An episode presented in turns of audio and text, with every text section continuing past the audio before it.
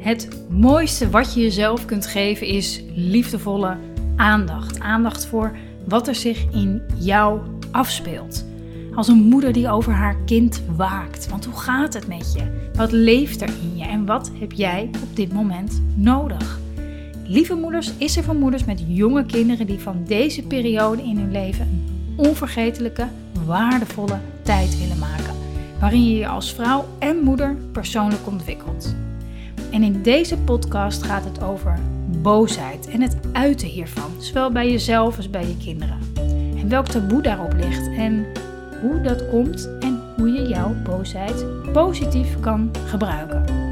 Mijn naam is Marjolein Mennis en ik ondersteun moeders met nog jonge kinderen om het beste uit zichzelf en daarmee uit hun gezin te halen. Ik deel video's, blogs en over het moederschap op YouTube, Instagram en Facebook. Hey, lieve moeder, wat ontzettend fijn dat je er weer bij bent bij deze Lieve Moeder podcast aflevering over boosheid. Boosheid, boosheid. Um, want het is vaak een emotie die we liever ehm, ja, zo snel mogelijk eh, weg willen hebben. Het is een kracht die we misschien liever niet willen voelen. En een beetje onder het tapijt schuiven. Heel veel mensen vinden het ook lastig om die boosheid bij hun kinderen te zien. Ook dat wordt vaak uh, onderdrukt of uh, zo snel mogelijk um, um, voor gezorgd dat kinderen niet meer boos zijn.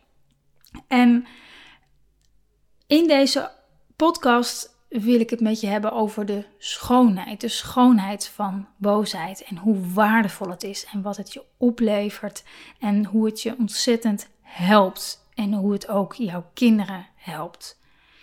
Want boosheid, um, nou laat ik het zo zeggen, ik, ik denk dat 99% van de bevolking um, um, boosheid een, een, een, ingewikkelde emotie vindt. omdat er heel veel kracht bij komt. Een, kracht waar heel veel mensen uh, uh, angstig van worden. Hè, de angst om als ik het toelaat, dan. En ik weet nog heel goed dat ik. Um, toen ik zo eind twintig zat, ik, uh, was ik bij een, therapeut. En een hele tijd ben ik bij hem geweest. Een gestaltherapeut. En daar hebben we het ook veel mee gedaan met, met, met boosheid. En Um, hij heeft me eigenlijk voor het eerst zo kennis laten maken met de schoonheid van uh, boosheid. En um, hoe belangrijk het is. Wat een belangrijke emotie het is uh, om jezelf, uh, om, om, grenzen te stellen bijvoorbeeld. Om grenzen te stellen, zo van dit ben ik en dit is een, dit is een ander. Um, helpt boosheid je ontzettend. Er zit heel veel energie in boosheid. En wat we vaak doen is die boosheid onderdrukken. Maar dat, wat, er, wat er dan gebeurt, is dat die energie nergens heen kan. Hè? Um, heel vaak ook hè, de, depressie is, is, kan, ook heel vaak een, een onderdrukte uh, boosheid zijn. Energie die niet uh, vrijkomt, die niet vrij kan komen. En hè, je boos maken um, helpt ontzettend om daarna weer te kunnen ontladen.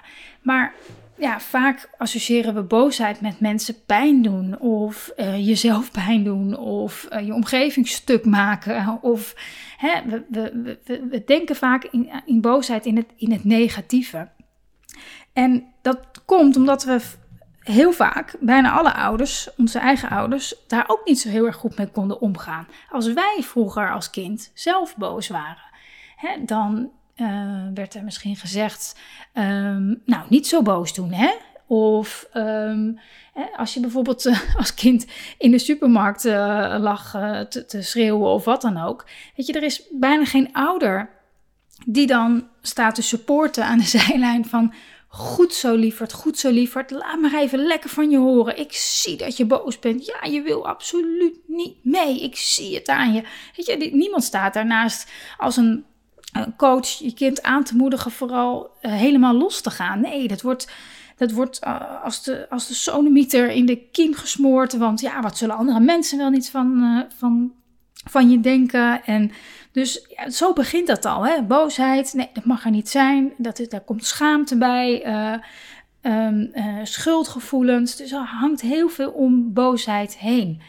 En wat ontzettend helpt, is om boosheid veel meer als energie te zien, als kracht te zien. Om jezelf, um, om grenzen te trekken, om, je, om een grens te trekken tussen jou en dat wat je niet wil, of jou en een, en een ander. En ook om te oefenen met die, boosheid te uiten op een veilige manier. En ik weet nog heel goed in um, een van die sessies met die therapeut dat ik dat hij dat als het ware een beetje opwekte bij mij, die, die boosheid. En ik kan me heel goed nog dat moment herinneren dat ik ging benoemen wat ik op dat moment het liefst zou willen doen.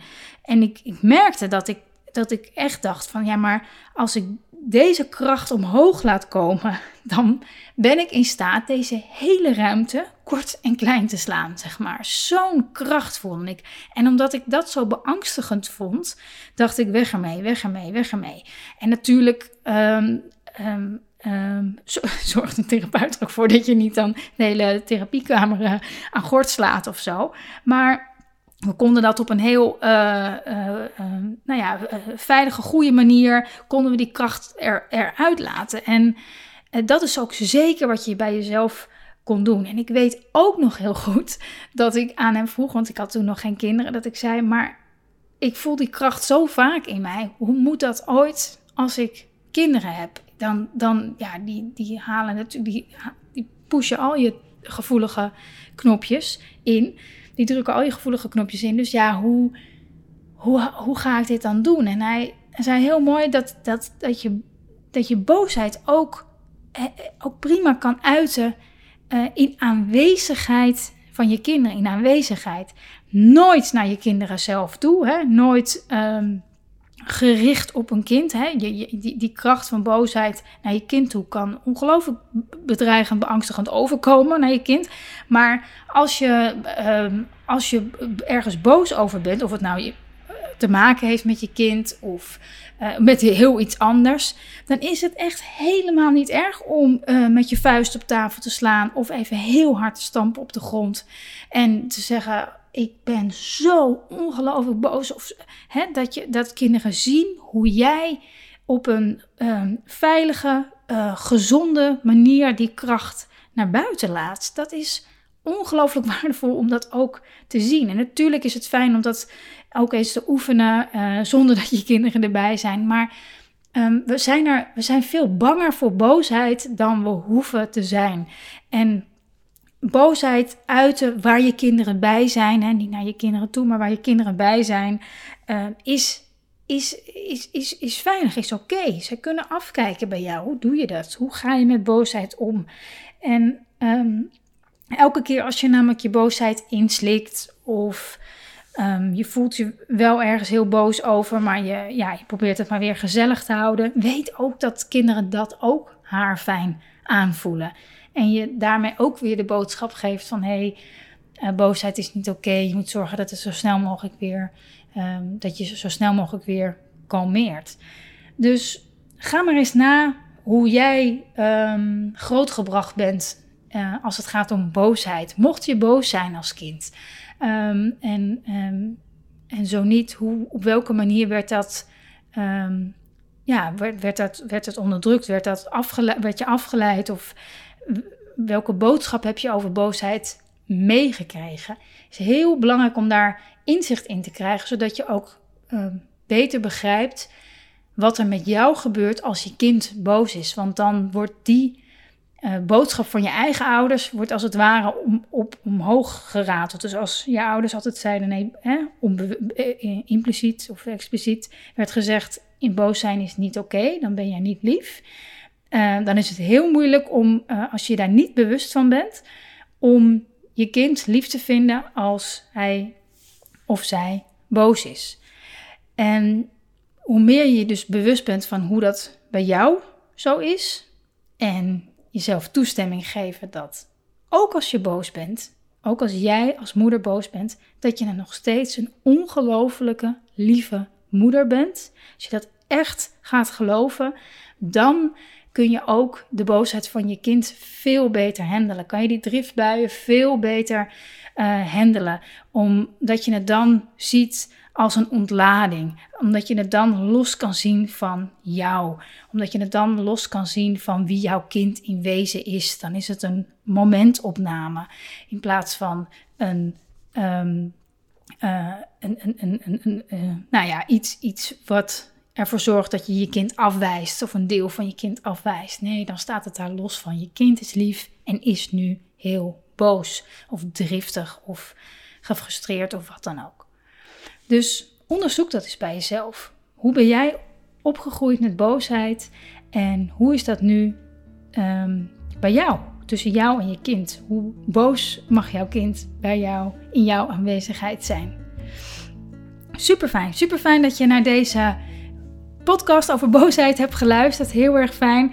Laat ook gerust je feedback weer weten in uh, of bij deze podcast. Vind ik altijd ontzettend fijn om uh, terug te zien en te lezen. En deel het ook gerust met lieve moeders om je heen, met jonge kinderen. Want ja, hoe meer lieve moeders er kunnen ontspannen en blij zijn, hoe meer we ook te geven hebben in alle opzichten. Dus deel het vooral. Heel erg fijn dat je erbij was en uh, tot de volgende keer.